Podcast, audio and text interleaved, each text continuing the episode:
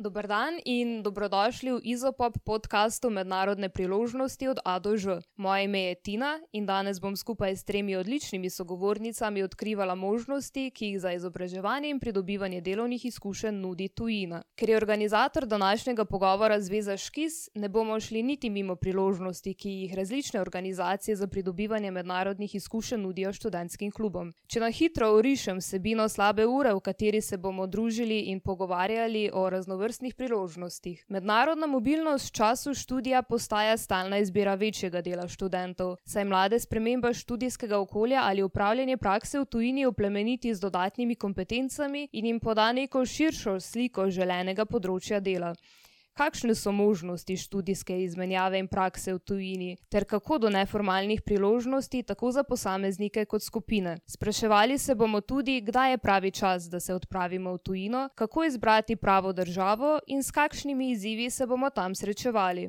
Upam, da skozi pogovor vržemo tudi kakšnega izmed mitov in stereotipov življenja v tujini, ne bomo pomogli niti mimo trenutne zdravstvene situacije v svetu in kako ta vpliva na mednarodno mobilnost. Predlagam, da začnemo in se skupaj potopimo v svet priložnosti, ki jih nudi tujina.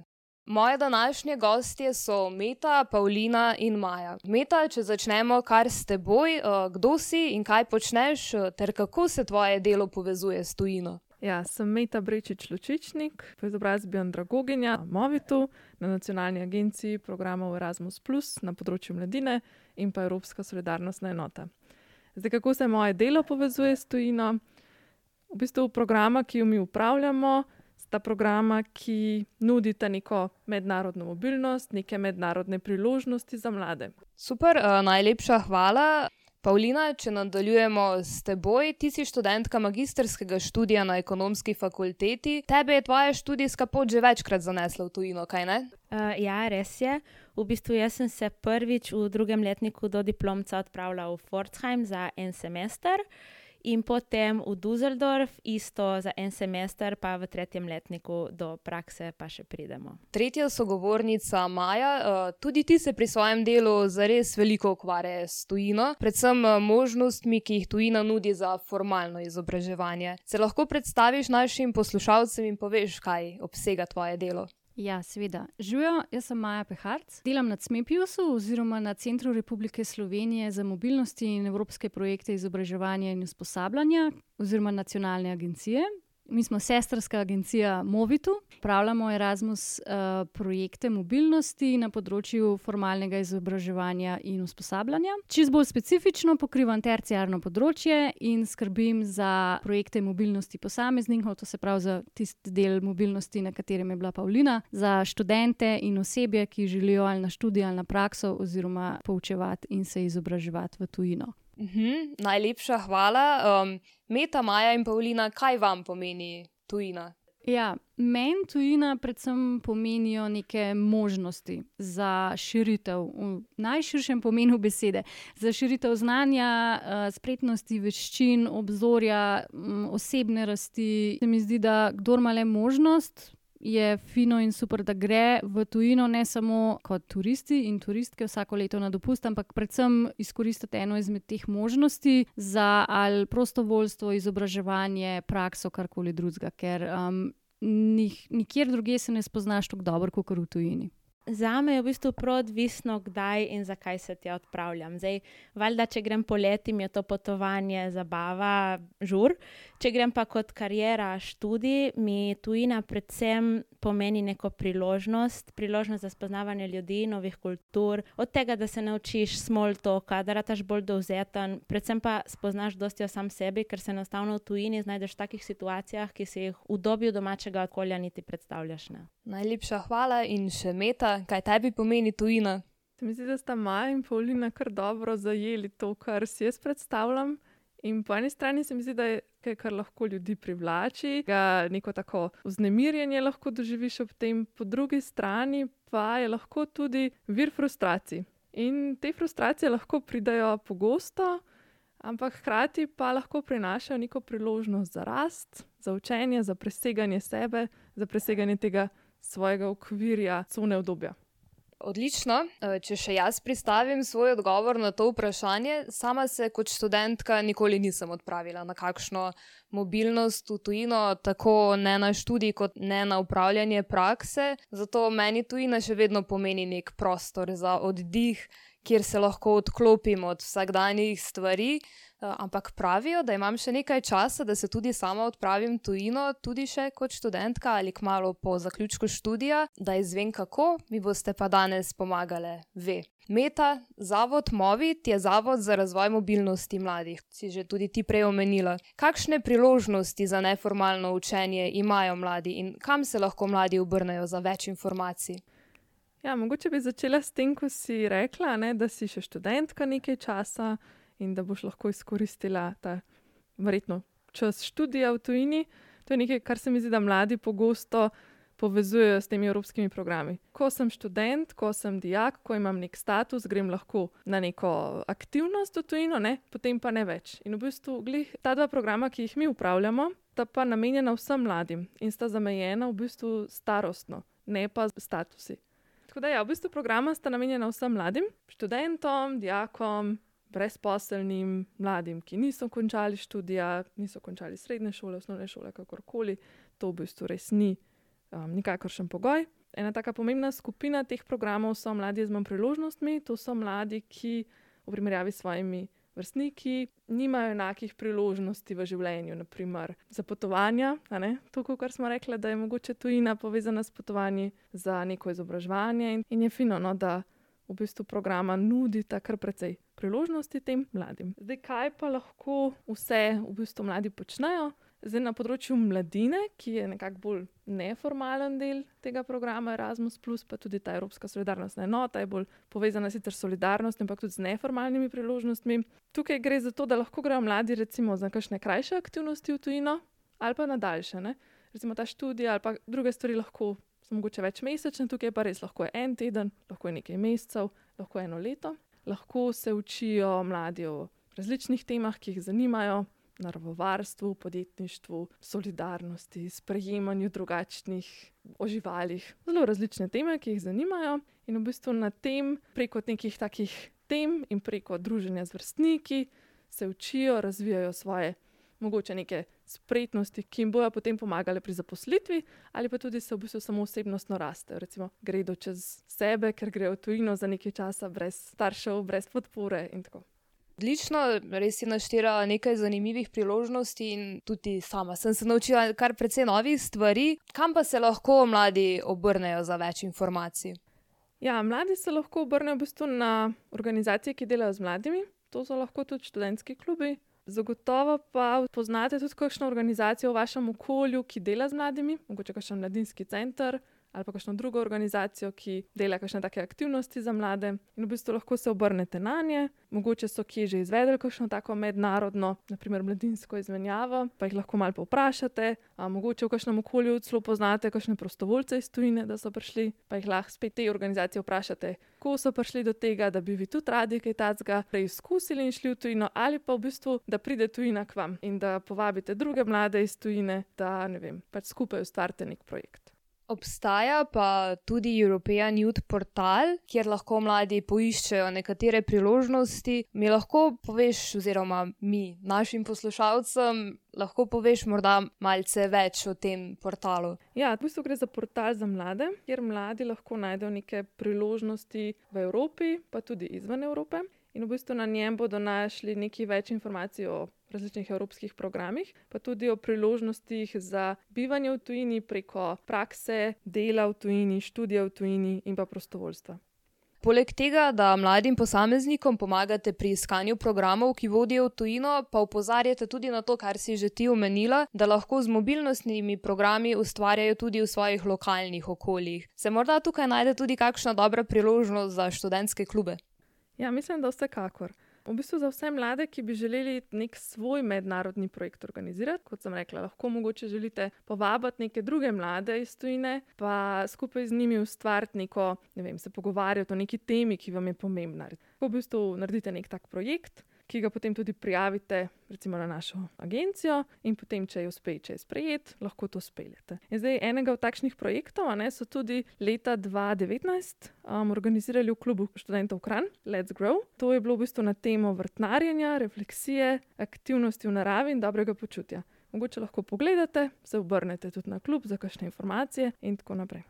Uh, super, res zanimivo. V Kranju so vrtnarili, se kar ne morem verjeti. Noče nas posluša, kak aktivist študentskega kluba, v kar sicer ne dvomim, to je res odlična priložnost za kak drugačen, neustaljen projekt v naši lokalni skupnosti. Meta, če se kak klub odloči, da organizira naprimer izmenjavo, ste organizatorjem na zavodu Movic seveda na voljo za odgovore na vsa vprašanja, tudi iskanje prave priložnosti in pomoč pri birokraciji, kaj ne? Ja, smo, sicer trenutno čakamo še na nova razpisa za te dva programa, ampak vas vabim, da spremljate našo stran movit.si, kjer bomo v bistvu objavljali aktualne informacije. Lahko pa najdete tudi veliko nekih teh projektov, ki so bili že izvedeni, zato da dobite neko priložnost, kako to sploh zgleda. Načeloma v bistvu veliko nekih informacij nudimo na spletni strani, uh, imamo pa tudi svetovanja in pa različna usposabljanja za organizatorje. Bi pa mogoče tukaj omenila še to, uh, kar je tudi na nek način priložnost za to, da greste v tujino oziroma se česa naučite. To, da v bistvu nacionalne agencije organiziramo mednarodne usposabljanja, ki trenutno potekajo predvsem preko spleta. Um, v bistvu ta mednarodna usposabljanja so pa namenjena ravno tem prijaviteljem programov, uh, pro, projektov. Se pravi, recimo, če želite organizirati medijsko izmenjavo, ki sem jo omenila, ali pa če želite mogoče v svojem klubu, vem, se naučiti kakšnih novih metod za delo z mladimi, ali pa recimo, kako narediti bolj vključujoče aktivnosti in tako naprej, lahko v bistvu prek teh usposabljanj, ki jih nudimo nacionalne agencije in jih najdete v Evropskem koledarju usposabljanj na naši strani, pa mislim, da bo tudi v komentarjih ta povezava. Lahko v bistvu se tudi nekako bolj profesionalno izobražujete za to, kako delati z mladimi. Najlepša hvala. Če se od teh bolj neformalnih priložnosti preselimo k formalnim. Maja, Erasmus. Verjetno najbolj znana oblika mobilnosti v Evropski uniji, pa vseeno, kaj je Erasmus in kakšne priložnosti nudi mladim? Ja, če je pri Movitu zadeva omejena zgolj z mladostjo, da jim tako rečem, je za sodelovanje v mobilnosti znotraj terciarnega izobraževanja za študente pomembna najprej ta informacija, da morajo najprej biti. Študenti ali študentke ene izmed uh, visokošolskih ali višješolskih inštitucij v Sloveniji, ker v bistvu morajo najprej inštitucije sodelovati v Erasmus, programu, da potem lahko znotraj te inštitucije sodelujejo tudi študentje. Drugač pa Erasmus Plus znotraj projektov mobilnosti posameznika za študente nudi možnost opravljanja v tujini delček študija ali pa praktično izobraževanje. Del študija pomeni, da greste za en ali pa dva semestra lahko študirati v izbrano partnersko inštitucijo v tujino, praktično izobraževanje pa pomeni, da greste pač opravljati v tujino prakso mogoče mečkan bolj formalno pogojeno, zato ker smo vendarle znotraj formalnega eh, izobraževanja in usposabljanja, uh, eh, majhen bolj osko zamejeno s tem, da mora študent imeti točno izbrane predmete, ki jih bo poslušal v tujini, točno se morajo dogovoriti, kako se bodo ti predmeti potem priznali, ko pridejo nazaj, podobno je s prakso, dodelijo se kreditne točke in tako naprej. Ampak definitivno je Erasmus plus program tudi za študente ena taka zelo dobra odskočna deska. Me bo Pavlina, ko je popravila, če bom kaj narobe rekla. Ker se mi zdi, da s tem, ko lahko en delček svojega študija preživiš na eni drugi inštituciji, v eni drugi državi, ne samo da spoznaš samega sebe v tujini, ampak spoznaš tudi področje študija z ene druge smeri, ker ekonomijo najbrž se drugače študira v Sloveniji ali pa v Nemčiji ali pa v Veliki Britaniji ali pa na Norveškem. In dejstvo, da greste lahko prek Erasmus Plusa upravljati tudi prakso, je pa sploh neprecenljiva, se mi zdi, ker lahko za tudi 12 mesecev, eno leto, greste v tujino delati v neko podjetje in pridobite ene zelo um, zanimive izkušnje. No? Um, ko smo se prej pogovarjali, si dejala, da si se tekom študija tudi sama odpravila na izmenjavo. Kam si šla? Ja, res je. Jaz sem šla na mobilnost po prejšnji iteraciji programa, ki sem jo rekla Erasmus vse življenjsko učenje. Ker sem študirala nemščino, sem se izbrala The Easy Way Out in sem šla pripravljati svojo diplomsko nalogo v Nemčijo, v Berlin. Za en semester, in sem bila tri mesece v Berlinu, in je bila to ena izmed najboljših izkušenj v mojem življenju. V Berlinu se še nikoli nisem počutila hkrati tako osamljeno, kot zelo fejs v družbi. In hkrati tako zelo nebogljeno in tako zelo odraslo, kot sem vse tiste tri mesece. Se mi zdi, da od takrat naprej, ko sem prišla nazaj, sem rahlo drugačen človek kot pred mobilnostjo. In od takrat naprej se vsako leto, če le ni neke pandemije svetovne, vračam v Berlin. No, sej, kmalo boš lahko šla spet, ker čez 14 dni bo že vse ok. Res je. Sama sem precejšna ljubiteljica statistike, zato me zanima, ali obstajajo morda kakšne zanimive statistike v programu Erasmus. Naprimer, koliko slovenskih študentov se letno odpravi na študijsko izmenjavo in katera je najbolj priljubljena država. Včasih se spomnim, da je bila to Španija, morda še vedno. Uh mhm. -huh. Ja, zdaj Nemčija najbolj priljubljena, ampak Španija je takoj na drugem mestu, potem pa sta Avstrija in Portugalska. Ja, statistik znotraj Erasmus Plus programa je en kup, pa zdaj se jih nahajamo na unem uh, prelomnem letu, ko se v bistvu zaključuje programsko obdobje 2014-2020 in se počasi zaključuje en tako ogromen program. Tako da se mi zdi zanimiv, recimo, podatek, da smo do zdaj, oziroma do konca leta 2019, izmenjali 24.500 slovenskih študentov, smo poslali nekam ven, 29.000 tujih študentov, oziroma mednarodnih študentov, smo gostili v Sloveniji. Približno na leto odide na študij v tujino oziroma na študij in na prakso v tujino približno 2000 študentov, v Slovenijo jih pa pride malo več, okrog 3000. Vsega skupaj se je pa recimo v teh sedmih letih, znotraj vseh programov za šport, za mladino, za um, izobraževanje in usposabljanje, nekako zamenjalo in izmenjalo okrog 2 milijona študentov že. Tako da to so neke take res velike številke. Pa mogoče še zanimiv podatek, da največ študentov v Slovenijo pa pride iz Španije, Češke, Polske in pa Nemčije tudi. Pa zdaj to, eh, tukaj imamo v mislih, da govorimo samo o programu Erasmus, imamo še kar nekaj drugih mrež za izmenjave, ampak eh, te so številke, se mi zdi, res največje in najbolj te impresionirajo. Uh, ja, res je zanimivo. Predvsem me preseneča dejstvo, da v Slovenijo prihaja več študentov, kot jih gre v tujino. Ja. Vedno sem imela drugačen občutek. Ja. Poleg samega formalnega izobraževanja v tujini, pa Erasmus, plus, oziroma Erasmus omogoča tudi upravljanje študijske prakse v tujini. Nam lahko poveš kaj več o tem? Saj se mi zdi, da to med študenti še ni tako zelo prepoznano, oziroma marsikdo sploh ne ve, da ima to možnost, da odide na prakso v tujino. Ja, Slovenija je teglih kar zanimiva za tuje študente. Veliko študentov pove, da smo na enem takem zanimivem kulturnem in turističnem presečišču. Vseglih je naš visokošolski sistem precej kvaliteten, da študente želijo sem priti. Življenjski standard se mi zdi, da je tudi relativno ugoden za marsikaterega tujega študenta. Enostavno smo malo bolj popularni. Jaz bi si želela, da bi bil te številke, koliko študentov pride in gre, malo bolj uravnovešene. Tako da spodbujam slovenske študente, da napraskate še tistih tisoč študentov, ki bi radi kam šli, da bomo približeni na 50-50. Ja. Kot sem že rekla, študenti grejo lahko prek Erasmus, plus uh, projektov mobilnosti v tujino ali na študij ali na prakso. Če se ne motim, je bolonska prenova študijskih programov v skoraj vsak študij unesla nekaj obvezne prakse. In ne glede na to, ali je na urniku obvezno prakso ali ne, lahko svojo mobilnost izkoristite za opravljanje praktičnega izobraževanja v tujini. To čisto lepo konkretno pomeni, da najdete partnersko podjetje oziroma eno podjetje v tujini iz področja, na katerem delate, ali je zdaj to neka marketinška firma, muzej, šola, državna inštitucija oziroma evropska inštitucija, zavod, karkoli, in se dogovorite za upravljanje pripravništva oziroma internshipa. Seveda mora imeti vaša matična inštitucija v Sloveniji na voljo sredstva in mesta, zato da vi lahko greste in potem potem se dogovorite in upravljate delo v tujini. Živite in delate in imate super izkušnjo. Um, mogoče velja poudariti, da je mobilnost z namenom upravljanja prakse možna tudi za mlade diplomante.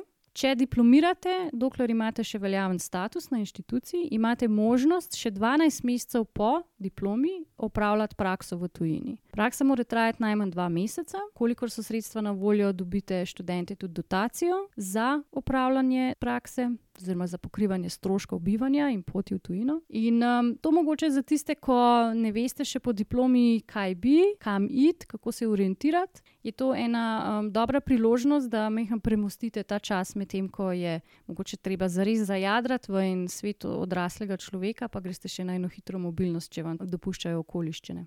Več o samem iskanju prakse v tujini, malce kasneje je povedala Pavlina, ki je tekom študija tudi upravljala prakso v tujini v Nemčiji, bi se pa za trenutek dotaknila še same birokracije, ki jo seboj prinese od to, da se posameznik odpravi na izmenjavo v tujino. Je neko nujno zlo, marsikoga to odbije, ker se mu ne da ukvarjati z vsemi learning agreementi, so demokracijo, ki jo pač prinese sam Erasmus s seboj. Kako jim morda lahko na CMPU-su pomagate in kakšen je vaš nasvet, da na koncu res ni birokracija tista, ki uniči želje in radovednost mladih, ker bi bilo škoda. Ja. Najmogoče najprej povem, da čeprav od moje mobilnosti že ne deset plus let se jaz absolutno ne spomnim nobenega papirja, da bi ga mogla podpisati, čeprav vem, da sem jih veliko.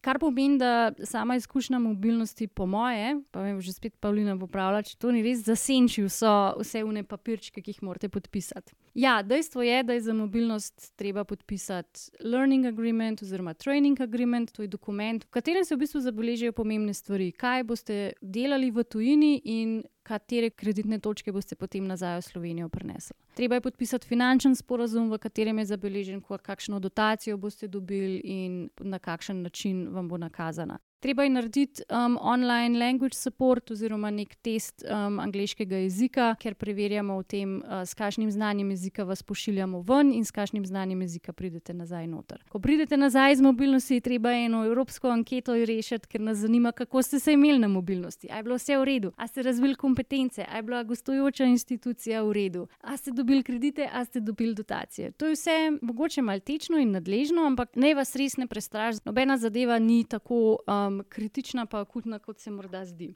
Zdaj na CMPUS-u mi direktno študenti ne delamo, mi nagovarjamo in skrbimo za inštitucije, ker smo v bistvu mi vezni člen med Evropsko komisijo in uh, visokošolskimi in višješolskimi inštitucijami. Tako da bi bil moj nasvet za študente, da na fakultetah in univerzah poiščejo mednarodno pisarno. In se usedejo skupaj z svetovalci v mednarodni pisarni, in lepo skupaj grejo skozi to papirnato dokumentacijo, In naj si vse glih res posvetijo, ker je pač to en pomemben del Erasmus izkušnje, vse eno. Pa upam, da se ne bo zdaj zarečenega kruha največ pojedel, ker nam obljubljajo, da z novim Erasmus programskim obdobjem se vsa ta papirnata birokracija seli v e-papirnato birokracijo in da ne bo treba nobenih papirčkov več podpisovati, ampak bo treba samo še digitalno stvari urejati. Tako da upam, da se zdaj nisem v jeziku griznila, pa da bo zdaj ne bo nič tega. Tako da ne se bati birokracije, ja, treba bo papirčke podpisati, ampak se mi zdi, da izkušnja v tujini to več kot od tehta.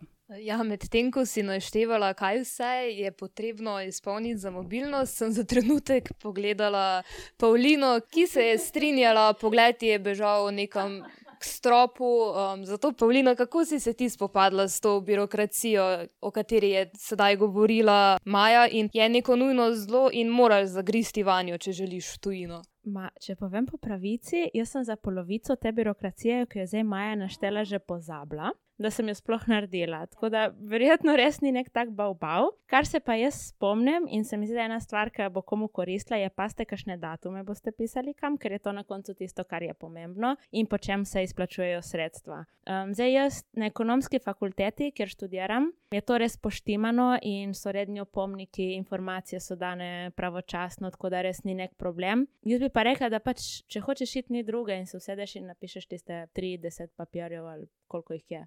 Življenje v tujini predstavlja tudi precejšen finančni zalogaj. Če smo študenti v Sloveniji vajeni na subvencionirano prehrano in prevoz, življenje v študentskem domu je tudi kar ugodno, pa v tujini takšnih ugodnosti večinoma ne poznajo, oziroma jih ni povsod. Kako si se ti lotila zbiranja financ za življenje v tujini, ker konec koncev Nemčija, kjer si bila vsega skupaj kar dve leti, je precej draga država.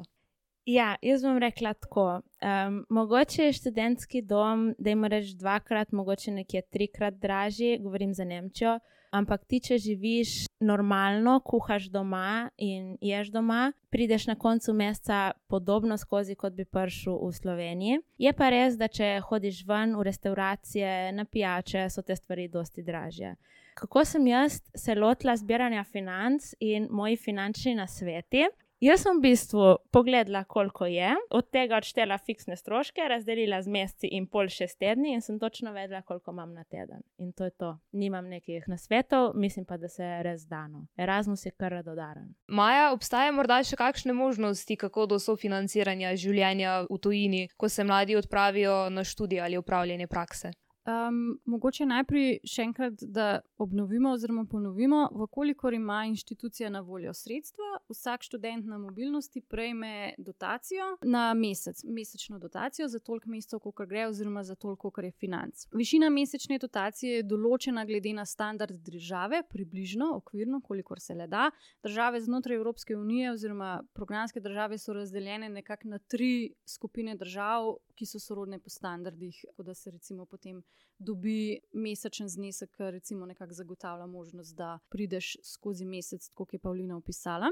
Študente, ki grejo na prakso, prejmejo dodatek k tej dotaciji, to se pravi še nek top-up zraven. Če študent prejema kakršno koli drugo državno štipendijo, um, Cojzovo, državno karkoli, se ta ohrani, Erasmus dotacija ne nekako spodkopava tem. Obstajajo tudi dodatki za študente z manj možnostmi, vkolikor pač ima študent relevantna dokazila, lahko dobi še en dodatek za top-up. Kar pomeni, da v bistvu je Erasmus na določen način že radodaren. Tudi na nacionalni agenciji smo v bistvu te mesečne zneske, kar se da, dvignili, glede na to, koliko imamo tudi nacionalno gledano proračuna. Tako da hočem mehem povedati, da v bistvu je že iz samega programa sredstev relativno veliko. Drugače pa tudi tako, da javni štipendijski sklad preko programa Ad Future eh, zagotavlja neki minimalno sredstev zraven. Študenti vse glih lahko v tujini tudi delajo, čeprav tujina ne pozna študentskega dela, kot ga poznamo mi, to ni izključeno.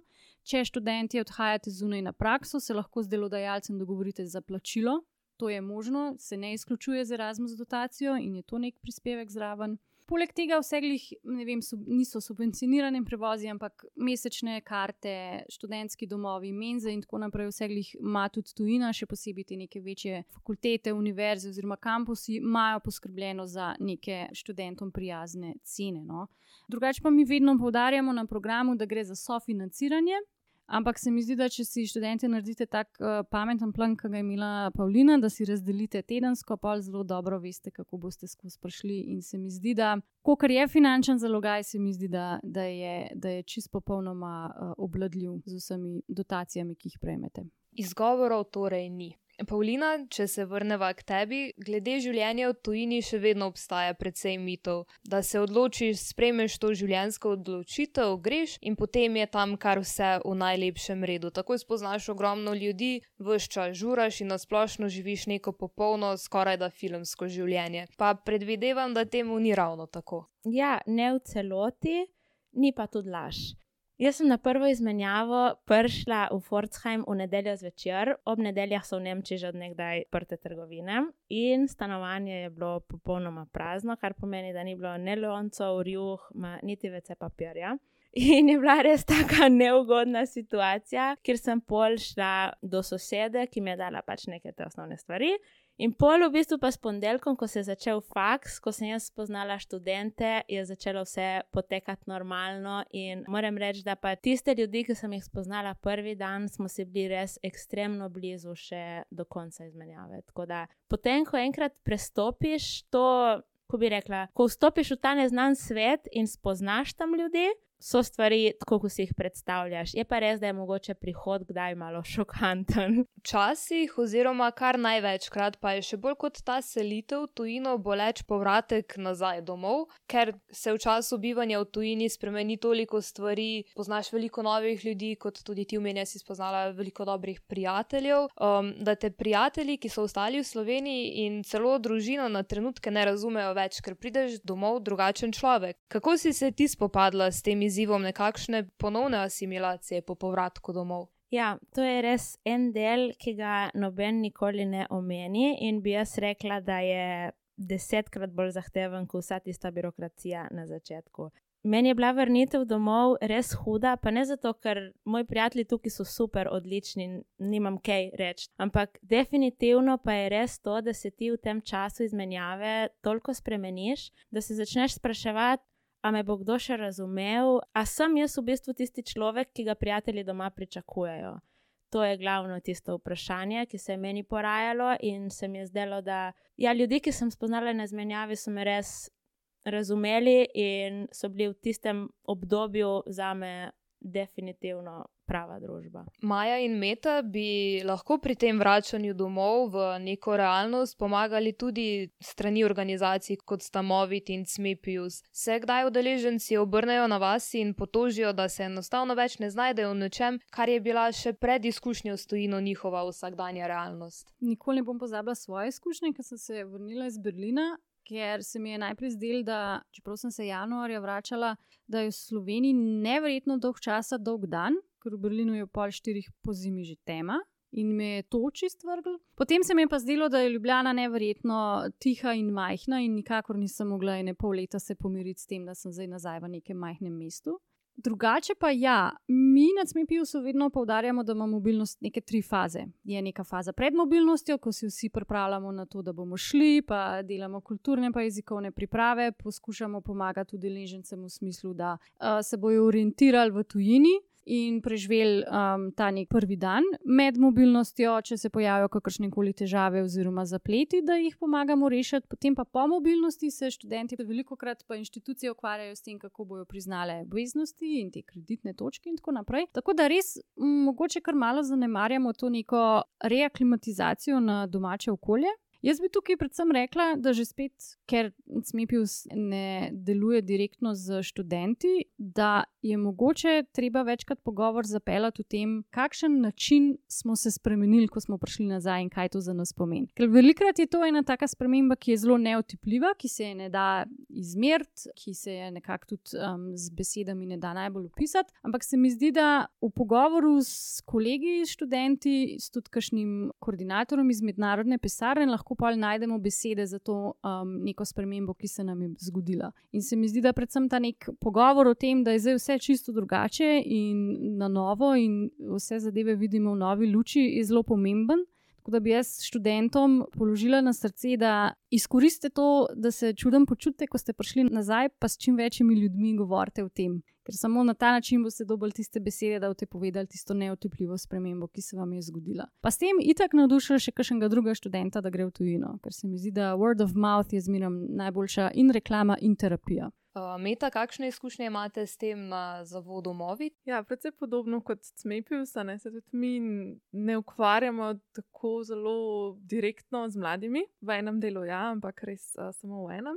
Ampak se res čist strinjam z Majo. No? Točen to, da poveš, kaj so bile tvoje izkušnje, ne? to, da deliš svoje navdušenje, ker prvo so krajše stvari. Tudi enotedenska mladinska izmenjava lahko v tebi spremeni cel svet in prideš drugačen in prideš z nekimi občutki in z nekimi nekim veseljem in navdušenjem in začneš ljudem razlagati, da si bil nekje in en teden si bil na neki izmenjavi in nobenemu ni jasno, kaj je zdaj to. Ampak te mogoče počutiš neslišenega, ampak se zelo strinjam. Lahko je to terapija, hkrati pa s tem promoviraš stvari, povabiš še druge mlade, da v bistvu sprobajo neke take stvari tudi na nek krajši rok. In se mi zdi, da ja, to je res super, če imaš to možnost. Je pa pri nas res dajemo ta podarek na organizacije, ker pač z organizacijami delamo, da organizacije res nudijo to podporo. In to vse čas ponavljamo, da je zelo, zelo pomembno, da v bistvu mlade pripravijo na neke take aktivnosti, že preden grejo v tujino, da jim vmes nudijo um, neko podporo. Recimo, pri nas prostovoljstvo je res tako, da je mišljeno, da ima prostovoljec neko mentorsko podporo, spravi nekoga, ki vse čas je z njim in mu pomaga pri takih stvarih ampak da tudi potem, ko pride nazaj, da je res neka organizacija tam za njega, da mu da nek prostor, da lahko predstavi svojo izkušnjo, da, da mu da neko možnost in da se lahko tudi pogovori s kom. Tukaj je tudi ena taka pelna organizacija, da res je pomembno, ne? ker kot vidimo, premaj se govori o tem, se mi zdi še vedno. Ja, nasplošno se moramo v družbi kar precej več pogovarjati in predvsem veliko več poslušati ne se bata, ne. se obrniti na kakšno organizacijo, ker so tam zato, da vas bojo podpirali. In naj tudi koordinatorja na faksu vprašajte, dajte poiskati ljudi, ki bodo z vami delili veselje in ljudi, ki bodo vam prisluhnili. Ker so tam, včasih je mogoče težko iti, ampak če ste tako izkušnjo dal čez, bo tudi tam zagotovo neki ena oseba, ki vam bo pomagala. Uh, jaz bi rekla, da upam samo, da ne bo to koga ustavilo, vi pejte in se boste s tem, kaj bo pol ubadali, ko bo konc tega. Povratek domov je tako res pregledana tema, kot omenja Pavlina, naj vas to ne prepriča, da ne greste v tujino, ker na koncu je vse v redu. Pavlina, ti si se lepo asimilirala nazaj in se imaš tudi v Sloveniji, sedaj super, mar ne? Res je. Super, najlepša hvala za deljenje teh izkušenj vsem trem. Pavlina, če se vrnemo k tebi, v tujini si upravljala tudi prakso. Kako do prakse v tujini, koliko prošen si recimo morala poslati in kaj vse je na koncu koncev pomembno pri iskanju te prakse oziroma pripravništva, na kaj opozarjaš kolege študente, da naj bodo pozorni? Če začnem na začetku. Zdaj, jaz sem študentka ekonomske fakultete v Ljubljani. Pa če začnem z nekimi tehnikalijami, uh, jaz sem že v startu vedela, da bom v času absolventa opravljala prakso, in potem sem zvedla še, da ti absolventa, brez tega, da ti ostane en predmet, ne moreš vzeti. In tukaj je pomembna informacija ta, da vi lahko na mesto izbirnega predmeta na predmetnik date obvezno prakso. Ki vam potem po tretjem letniku ostane kot predmet, kar pomeni, da imate vi lahko absolventa kaj je tle plus tega vsega, je, da ste vi s tem, ko imate to na predmetniku, obvezni pripravnik. Zakaj je to za vas plus? Je pa plus zaradi tega, ker obvezni pripravnik ima v primerjavi z prostovoljnim pripravnikom za podjetje davčne olajšave, kar pomeni, da vas bojo logično rajše vzeli. To so tehnikalije. Potem se začne iskanje tega. Jaz sem to iskala na spletnih straneh, ki so tudi objavljene v dogodku in sicer so Glassdoor, Stepstone in Indeed, pa seveda um, dobro izpolnjen LinkedIn profil, vedno pride prav. Poslala sem v prvo, dajmo reči, tam nekje med 35 in 50 prošen.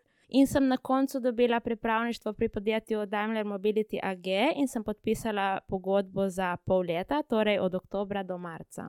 Zdaj, tukaj 50 prošen poslati je definitivno časovni zalogaj. Zaradi tega, ker kaj bi jaz tukaj svetovala, je, da se ne pošilja ene in iste prošnje povsod okoli, ampak da se prošnjo prilagaja na vsako posamično prijavo.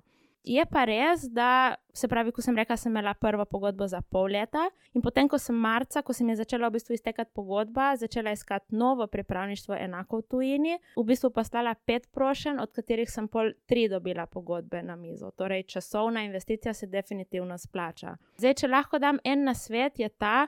Da so to, odvisno kam se boste prijavljali, ampak so to dosti krat službe, na katere se prijavlja par sto ljudi. Um, zato je fajn, če imate vi zraven vse te obvezne dokumentacije, kot je življenje pis, priporočilna pisma, motivacijsko pismo in vse to, da imate še kakšno, ne vem, infografiko, predstavitveni video, animacijo, nekaj, kar bo ekstra in bo pokazalo res ta vaš interes. No. Tako da ja. Dobro spisati prijavno gradivo, in predvsem si pa vzeti čas vam pa mogoče lahko pri tem, ne, da imate še kakšno referenco, pomaga glih to, da se odeležite kakšne krajše aktivnosti prej. Um, pridobite jutpas, potrdilo, ki v bistvu potrebuje, da ste se nekaj naučili tudi o neformalnem izobraževanju, mogoče tudi kaj takega vam pomaga potem tudi na kakšni praksi. Se pravi, če je kdo od poslušalcev še vedno pred dilemami glede upravljanja prakse v tujini, sta obe, tako Pavlina kot eh, Meta, dodali res nekaj uporabnih nasvetov, tudi iz prve roke. Sedaj bi se preselila na eno vprašanje, ki ga je postavila ena izmed sledilk Zveze Škis na Facebooku, saj so namreč imeli priložnost oblikovati teme pogovora tudi vsi sledilci Zveze Škis, tako na Facebooku kot na Instagramu. Večino stvari smo sicer že upletle in na njih odgovorile. Nika pa je imela vprašanje, ki je kar precej odstopalo, saj bi se po diplomi rada zaposlila v tujini. Zanimajo, kakšen je njen naslednji korak, če med študijem ni izkoristila možnosti za študij, tudi ni upravljala prakse v tujini in zato morda ni tako zanimiva za delodajalce. Kaj ji ve svetujete? Mogoče Maja, ti si že predtem omenjala, da lahko še 12 mesecev po zaključku študija. Ja, če je kolegica uh, diplomirala, ko je še imela status, pa še ni poteklo 12 mesecev diplome, gre v bistvu lahko na mobilnost še za prakso. In na ta način dobi mednarodno izkušnjo. Kot je že Meta omenjala, prek Movita obstaja možnost krajših mednarodnih izkušenj uh, iz različnih področji. Kot je Pavlina že omenila, ful pomaga, če imaš dobro sestavljene motivacijske pisma, priporočilna pisma in nekaj, kar te morda loči od vseh drugih, ker potem v bistvu padete v ta koš vseh ostalih študentov, iskalcev zaposlitve, ki niso bili na mobilnosti, ker takih je vseh precej veliko. Ker če sem prej rekla, da gre recimo 2000 študentov v Sloveniji na leto v tujino, vemo pa, da upisanih študentov je veliko več. Ne? To se pravi, v bistvu tisti, ki odidete na mobilnost, ste vseh v manjšini, tako da študentka ni tako sama. Tako da mogoče se bo slišal malo kruto, ampak good luck in veliko sreče, in seveda poiskati še kakšno krajšo obliko mednarodne izkušnje, nabildati tako rekoč svoj življenje pis, kakšno drugo bolj relevantno izkušnjo. To, da človek ni bil nujno na mobilnosti še ne pomeni, da so mu pa zdaj vse poti v tujino zaprte. Hvala, bi še katera kaj dodala? Ja, jaz lahko dodam to, da v bistvu tudi prej, ko sem jaz dobila prvo prakso v tujini, za reči dela, izkušen z delom v tujini, tudi nisem imela. Tako da sem tudi jaz začela z nič izkušnjami v tujini. Tako da definitivno, kot sem rekla, čas se da. Eh, še enkrat bom. Um, Pa pojdimo še k naši zadnji temi za tokratni podcast Mednarodne priložnosti od A do Ž. V letu 2021 žal še vedno ne moremo mimo globalne pandemije koronavirusne bolezni. Kako je pandemija vplivala na mednarodne priložnosti in mobilnost mladih? Meta, če mogoče začneš ti, kako to vpliva na vaše delo in na priložnosti, ki jih lahko ponudite dalje mladim. Ja, veliko, veliko aktivnosti se ne more izvajati, ker je mobilnost ključna za to. Eden od ukrepov se imenuje učna mobilnost mladih. Je, ta mobilnost je res pomembna, zdaj lahko se en del izvaja spletno, ampak recimo veliko teh naših mladinskih izmenjav, kjer pač je res ključno, da se vidijo mladi in skupaj so ustvarjajo nek program, stoji. Čakamo na boljše čase. Pa kar nekaj projektov se izvaja, predvsem teh dolgotrajnih prostovoljskih. Tukaj se nekaj dogaja, kjer je možno, prostovoljci pridejo k nam, oziroma tudi grejo v tujino, so v neki karanteni, dokler je treba, potem pa v nekaterih primerjih lahko delajo. Ampak ja, veliko težav je tukaj. So pa te naše aktivnosti, to, kar sem prej omenila, to, kar nacionalne agencije delamo, se pravi, neke take bolj podporne aktivnosti za tiste, ki želijo prijavljati projekte, ne, recimo, ki bi radi v svojem klubu nekaj prijavili ali pa tudi v svojem klubu, recimo, delate z mladimi. Zdaj, za te pa imamo mi, večina naših aktivnosti se je preselila na splet. Tako da po eni strani je to dobro, ker zdaj lahko se odeležite kar precej aktivnosti, po drugi pa ja, seveda. To ni povsem enako kot doživo, ampak tudi mi smo jih izvedli že kar nekaj, tudi jaz sem jih že izvedla nekaj in v bistvu marsikatera je bila kar fino pa ali speljano, no? čeprav seveda zadržkom, da ta komunikacija v živo pač je vsem drugačna. Maja, kako je z Erasmusom sedaj, v teh časih, se študenti še vedno odločajo, da odhajajo v tujino in prihajajo k nam? Ja, pandemija je zaustavila mobilnosti, ker tudi, seveda, znotraj terciarnega izobraževanja je fokus na fizični mobilnosti od točke A do točke B in spet nazaj. In če smo lani imeli ziv, kako iz Slovenije domov spraviti mednarodne študente in iz tujine v Slovenijo spet spraviti slovenske študente, smo potem potem letos na začetku leta imeli ziv, koliko študentov se bo sploh odločilo za mobilnost. Bilo jih je manj, približno 1400 študentov je prišlo v Slovenijo, malo manj odšlo na mobilnost.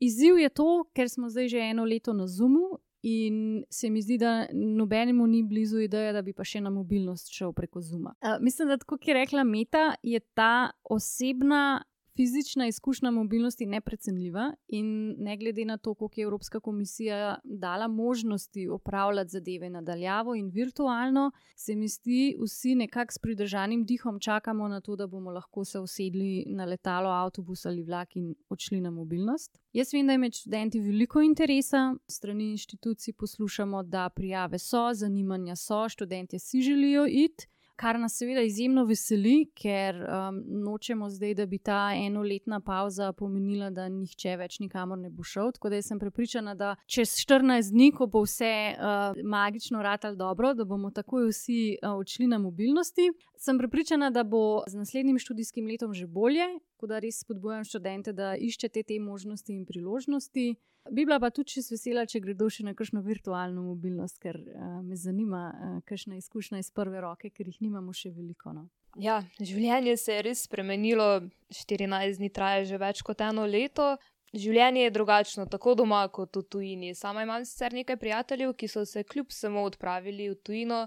Prijateljica, ki je včasih tudi delovala na zvezdi Škis, Petra Dermota, je šla na Portugalsko in se ima sicer super, ampak zelo pogreša to, da bi lahko se je tam več dogajalo, ker je tudi pač tam še vedno vse zaprto, podobno kot pri nas v večjem delu države. Ja, sej tudi to je ena ovira, ne, zakaj mogoče študenti zdaj ne odhajajo toliko na mobilnost, ker je sicer razlika, ali sediš v Ljubljani na Zumu ali pa sediš v Bilbao na Zumu. Je seveda razlika, ampak je veliko večja razlika, če sediš v, vem, na ekonomski fakulteti v Ljubljani ali pa na kakšni ekonomski fakulteti um, vem, v Madridu. Tako da jaz razumem študente da imajo odpor, oziroma da ne želijo neke virtualne mednarodne izkušnje. In res držim pesti, da boste lahko čim prej, za čim dlje časa šli na mobilnost v tujino in to brez karanten in, in mask in, in socialne razdalje in tako naprej. Tako da uh, upam, upam, da kmalo, da boste kmalo tam zunaj nekje. Ja, kljub samo možnosti in priložnosti še vedno so, samo zgrabiti jih je treba in morda se odločiti, da ni najhujša stvar na svetu, če bo mobilnost potekala drugače, kot bi pred, naprimer, dvema letoma ali kot bo čez dve leti, ko bo spet vse ok. Imate morda še za zaključek kakšen nasvet za mlade, ki razmišljajo v tujini? Um, nehajte razmišljati, pejte. To se zdaj ful bolj enostavno uh, sliši, kot se naredi, ampak če že imate misel na to, naredite prvi korak, pa se pozanimajte na fakulteti in na univerzi, kako se da, kam se da, kakšne so vaše možnosti, kdo vam lahko pri tem pomaga. Najte kakšnega kolega študenta, ki je že bil, ga poprašajte, kako je bilo, kaj priporoča in izkoristite to izkoriste mobilnost tekom študija, izkoriste mobilnost po študiju in res probajte zdaj v tem času, še posebej, ko se nam zdi, da smo en drugemu tujci že iz enega in v drugo mesto, pejte ven in spoznajte, da mogoče si nismo tako veliki tujci, kot morda zgleda. Tako da izkoriste in pojte ven. Ja, moj nasvet za mlade, ki razmišljajo o tujini, pa če govorimo tukaj o nekem Erasmusu, je v prvi vrsti ta, da se odločite, kaj bi šli vi tja delati. Ali boste šli študirati ali boste šli žurati. To je pomembna informacija, ki jo morate imeti že vnaprej in na podlagi tega tudi zbrati faks. Druga informacija je pa bilo, kakšen je vaš razlog in če vas vleče. Kot je rekla Maja, pejte, ne, ker nima kaj biti. Jaz sem pa vsaj pristaš tega razmisleka, ampak bolj v smislu, da razmislejo mladi, v bistvu, zakaj bi radi šli, če se si želijo, tudi koliko časa so pripravljeni investirati, oziroma koliko se počutijo dobro, za koliko časa bi šli v tujino. Ne? In da na podlagi tega pa vidijo, ali pa se odločijo, katero priložnost zdaj vzeti. Priložnosti je veliko, zelo so raznolike in je fino, če se mogoče vse malo poglobiš vase, pa vidiš, ah, jaz si pa tega želim, ne vem, rad bi malo bolj spoznal sebe, ali pa rad bi se družil z ljudmi, ali pa rad bi neke kompetence za zaposlitev dobil. In da potem na podlagi tega se odločijo, pa zberejo, kater program, katera vrsta mobilnosti bi bila za nje. Se mi pa zdi, da je tudi fino, če mogoče vsaj razmišljajo o tem, kako tujino pripeljati domov, ker ravno ta ne, raznolikost in vse to je to lahko zelo velik plus tudi za njih, ker v bistvu spoznajo nove ljudi, grejo sami iz svoje cone obdobja. Tako da se mi zdi tudi ta možnost, ne, kako pripeljati tujino domov, kako s tem mogoče domače okolje malo obogatiti in ne samo sebe, ampak tudi druge. Se mi zdi, da tudi to je mogoče ena, ena priložnost. Tako smo že skoraj pri koncu našega današnjega pogovora. Pa če smo začeli pri vaših pogledih na tujino, dajmo v tem smislu tudi zaključiti. Če bi se ve lahko preselile kamorkoli na svetu, kam bi šle in zakaj? To je zelo težko vprašanje. Jaz sem veliko enih idej, ampak mogoče najbližje bi mi bila Švica, tega, ker sem bila tudi sama tam na, na študijski praksi. Mi je zelo domača, podobna je nekako Sloveniji, po krajini, po vremenu malo manj. Tudi jezik je menno super, ker se mi zdi neverjeten, kako lahko nemščino na povsem drugačen način uporabljaš. Prav, predvsem ta nemški del Švice mi je všeč. Ne vem, lepota. Meni je Švica pač res, res mi je tako domača in blizu, tako da po mojem je to nekaj, kar bi bilo fino. Jaz v mojih letih iščem priložnosti in bi rekla, da se ne bi odločila glede na lokacijo, ampak glede na to, kaj mi je tam ponujeno. Trenutno ne bi rekla, da se vidim za večno živeti v tujini, potovati bi šla na Novo Zelandijo, živela bi pa v Gorici. Jaz mislim, da sem že začela podcast tako, da sem ene desetkrat rekla Berlin, tako da jaz bi šla živeti v Berlin, ker je Berlin zakon in najboljše mesto sploh. In to je to. to je to. Berlin je za me tam, ker sem jaz najbolj jaz. To se zelo čudno sliši, ampak Berlin te pusti pri miru, popolnoma, da si to, kar si, in to meni zelo odgovarja. Tako da Berlin. Ja, zanimivo. Eh, ravno zadnjič sem poslušala eno izmed globalnih vasi, kjer je eden izmed sogovornikov nekaj časa živel v Berlinu in je bil eden tistih, ki ni bil navdušen nad Berlinom. Mislim, da je res eden v manjšini, ker vedno slišim samo dobre stvari v Berlinu. Ja, vsaka malce po svoje, malo v tujino, nekatere z veseljem ostanete kar doma in ostanete pri zgolj potovanjih v tujino. Če odgovorim še jaz, podobno kot eh, Meta, tudi mene zelo privlači Švica. Ne vem točno zakaj, mogoče zato, ker imajo veliko gor in huda smočišča in leto že celo zimo sanjam o tem, kako bi lahko šla za vsaj pet dni nekam smučati in se ne bi rabila ukvarjati s testiranji in podobnimi stvarmi, ki jih je seboj prineslo obdobje, v katerem eh, živimo. Nekako na drugem mestu pa bi bili Avstrija in Danska. Avstrija zato, ker je blizu, ampak hkrati se ti zdi, da si daleč. Danska pa še iz neke te otroške ljubezni do pravljic eh, Hansa Kristjana Andersena in tudi nedavno pridružene ljubezni do njihovega življenjskega sloga Hige. Tako Maja Peharc, Meta Brečič Ločičnik in Paulina Batistič, hvala vam za ta super pogovor. Mislim, da smo bile kar izčrpne, odgovorile na številna vprašanja. Hvala Zveza Škiz za organizacijo tega podcasta in hvala seveda vsem poslušalcem, ki ste prisluhnili naši debati in z nami prišli do konca. Upam, da smo odgovorili vsaj na kakšno vašo dilemo ter koga med vami tudi navdušile, da se tudi sam oziroma sama odpravi v tujino oziroma začne saj razmišljati o vseh priložnostih, ki jih nudi mednarodni prostor. Izopop podcast Mednarodne priložnosti od A do Ž bomo sedaj pospravili na spletno stran skis-zveza.sc, še naprej pa ostaja dostopen tudi na Facebook strani Zveze Škis in na Škisovem YouTube kanalu. Hvala za pozornost in nasvidenje.